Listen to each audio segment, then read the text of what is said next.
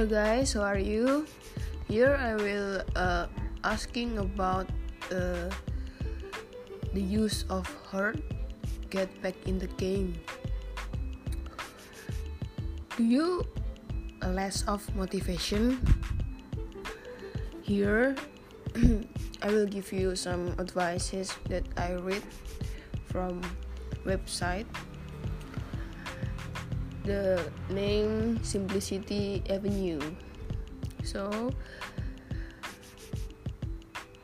the point is that uh, you have uh, a lot of to-do lists that you have done, but you less of motivation. You want to do that uh, to-do list, but your your heart not be in it if you and you and you uh, better to do all of that list with full of your body full of your heart full of your mind and also full of your soul. That is the happiness very happiness.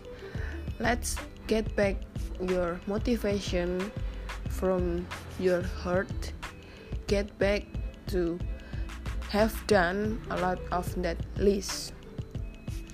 Sometimes you want to have done that list, but you you want it to do that, but your heart not be in every action that you do. So uh, this is the first one. Let your heart be heard it means that uh, you need to hurt your heart. Because it's it's open your heart and discover discover what's it's already in inside in there. And the second is seek for clarity. Seek for clarity, you have that to do list, and your heart won. Your heart won, you bring your heart, and then there is a power and a purpose in the questioning. The third is fill up your bucket.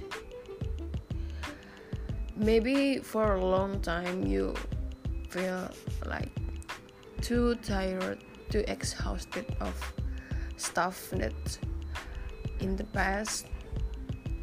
So your heart sometimes is empty and part feel empathy sometimes is hard to uh, get back your heart. But please fill up your bucket of your heart bring it in every every to-do list. And then make a space for gratitude Gratitude is a place full of life.